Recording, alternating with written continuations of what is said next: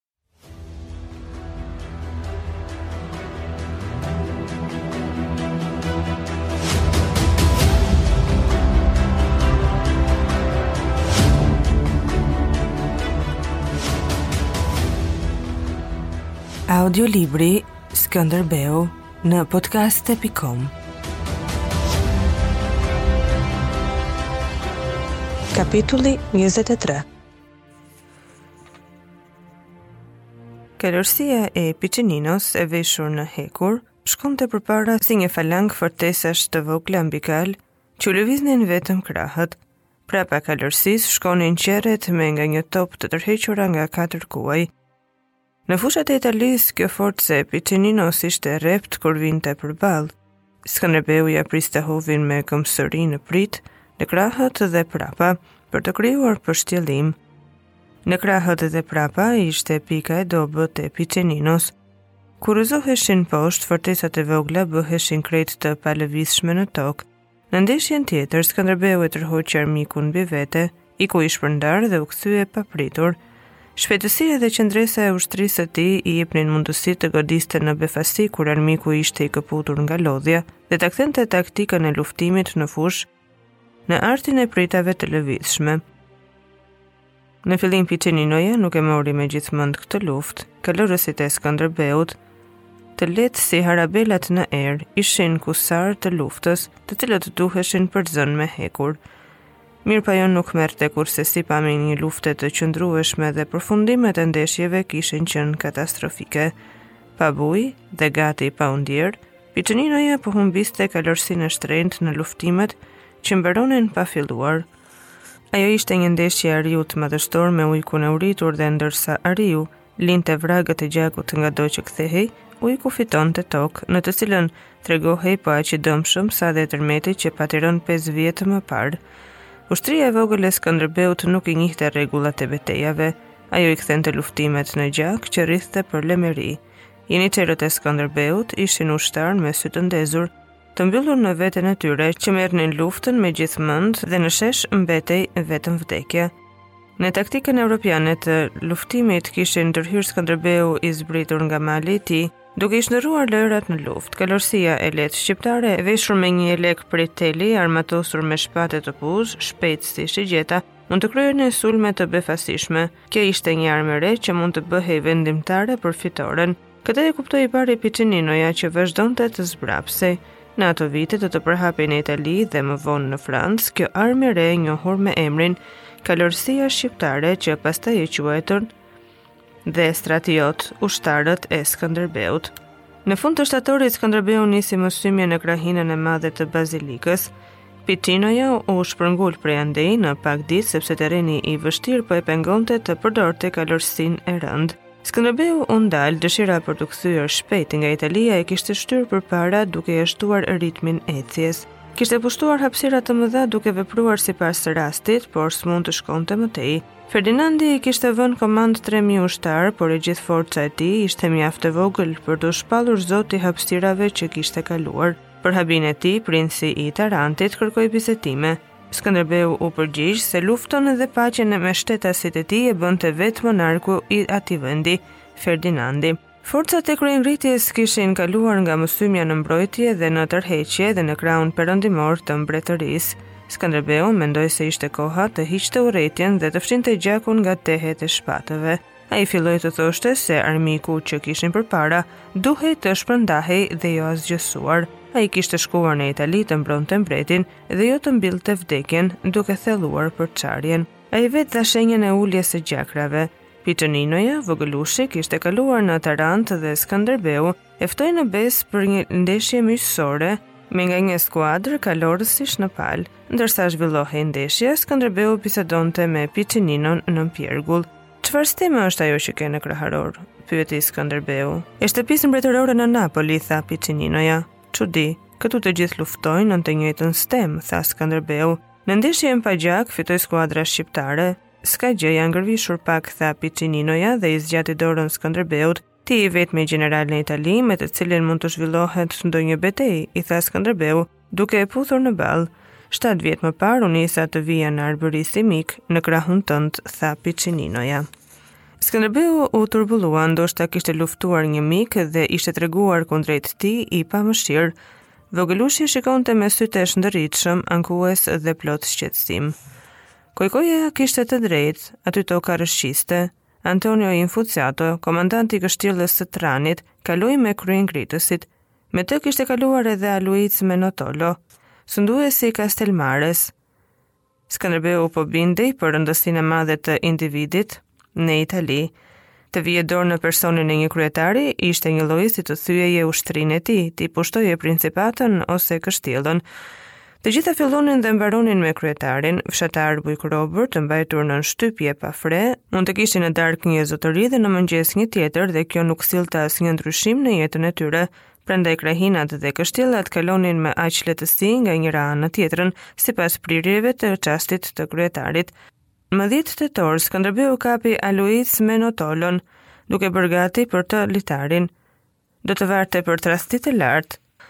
Ai pranoi të dorëzonte kështjellën e Katelamare si dhe të linte në duart e mbretit, familjen dhe pasurinë, duke u betuar se aty e mbrapa do t'i shërbente me besnikëri. Skënderbeu e liroi.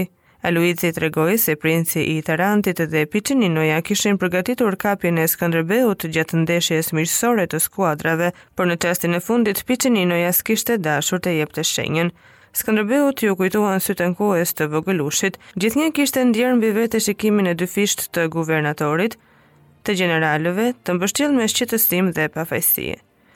Puna me Infocaton, komandantin e Tranit, nuk ishte aq e thjeshtë sepse ky nuk dilte në asnjë rast nga kështjella. Skënderbeu e rrethoi Tranin, kështjella e ngritur në bregun mbi det, me kullat konike, ishte nga më të fortat e mbretërisë. Ajo kështjellë, e fundit që u mbetej kryengritësve në bregdetin lindor, mund të merrej me rrethim të gjatë, kurse sulmi do të kërkonte topa të rëndë dhe gjak. Gjuetia nisi me bujë, me lukunin e qenve me trumpeta, dhe Infocatoja mbante një largësi sa më të shkurtër nga kështjella. Skënderbeu e ftoi të ecnin në këmbë në një rrugicë pylli dhe aty i bëri shenjë Kojkos që u hodh mbi Infocaton. Ky e dinte se çdo gjë që do të bënte atë ditë do të jehonte larg dhe deshi të mundej me trup.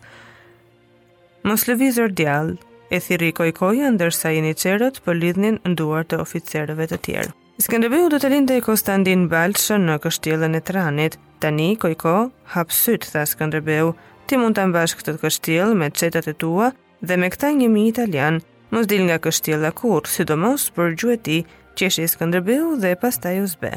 Gjashtë vjet më parë vëllai i madh i Kojkos, Gjergji, kishte dalë për gjueti nga kështjella e Modricës duke marrë me vete edhe 200 ushtarë. Tani Gjergji dergjej në burgun e kështjellës së Castelnuovos në Napoli. Ishte një kështjellë e ngritur mbi një ishull, po aq e madhe sa kështjella, dhe lidhej me tokën vetëm me anë të një ure.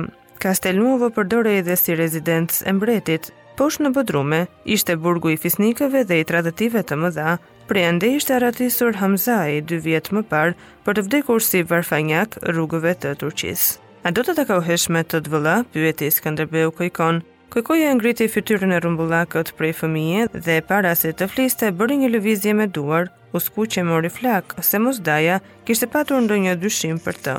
Jo, kurr. Ai kishte menduar për të vëllanë gjithnjë me habi të thellë dhe përbuzje, kishte fyer Perëndinë duke shitur Modricën. Perëndia ishte daja. Perëndia po shikonte nga dritarja ushtarët që afronin topat në bedena. Do t'i them mbretit ta lirojë pas vitit të ri, le t'i shërbejë Ferdinandit këtu ose të shkojë ku të dojë, tha Skënderbeu. Ai përpiqej të mbulonte tronditjen. Dy nga nipat e tij, Gjergji dhe Hamzai, më të shquarit, i kishin dalë tradhtarë. Kur e kujtonte këtë, i dukej sikur një pjesë e gjakut të tij bëhej ujë, por kjo nuk e pengonte ta donte Kojkon njësoj si Gjonin e vogël. Ai gjithnjë ndihej ngushtë kur e kishte Kojkon pranë, donte t'i fërkonte flokët e verdhë dhe t'i merrte kokën në gjoks. Por këtë nuk e kishte bërë kurrë. Kojkoja ishte kthyer me fytyrë nga muri. Nuk dinte ç'do të bënte po ta ndeshte të vëllanë. Përse po e kërkonte daja këtë telash?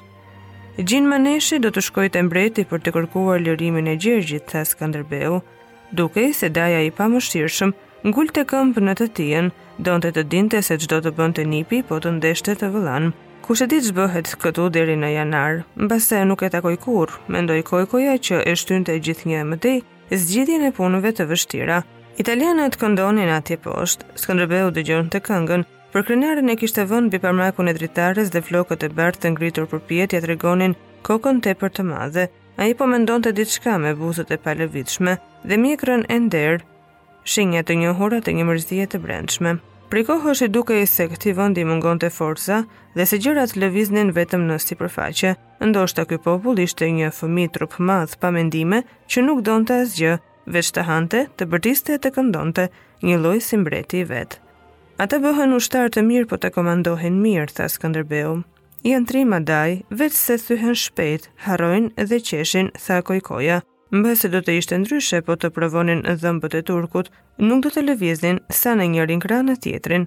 Skënderbeu buzëqeshi, Kojkoja i ri që kishte vënë kaun poshtë në Kashar para çetave dhe që kishte çarë një turk më dysh nga supet deri në brez, kishte një kokë që gjykonte. Kur të ktheheshin në Arbëri, Skënderbeu do të mendonte për këtë. Duhej t'i gjente një punë më të madhe që të shkonte baraz me fuqinë e tij në rritje, e do ta bënte Kojkon komandant të gardës. Me Krishtlindjet në oborrin e mbretit ishte kthyer hareja, u desh fare pak kohë që ky oborr të harronte stuhinë që ra mbi të, dhe të niste jetën e vet plot madhështim. Ballot dhe ceremonitë morën vrull, sidomos javën pas Krishtlindjeve, kur u celebrua martesa e birit të Ferdinandit me mbesën 10 vjeçare të Papës. Kjo lidhje gjaku ndërmjet dy fuqive bëri që të ulnin armët edhe disa kryengritës të tjerë. Bujaria e mbretit shpërtheu mbi Skënderbeun, i dhuroi katër feude me trashëgim të përjetshëm, Tranin, Monte Garganon, San Giovannin dhe Rotondon, dhe e quajti babë. Forcat e kryqëzatës triumfonin në Itali. Për Skënderbeun ishte koha të tërhiqej.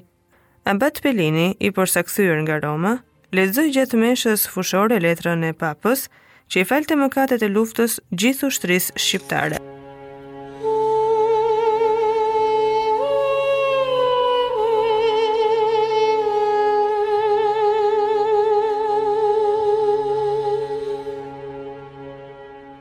Audiolibri Skënderbeu në podcast.com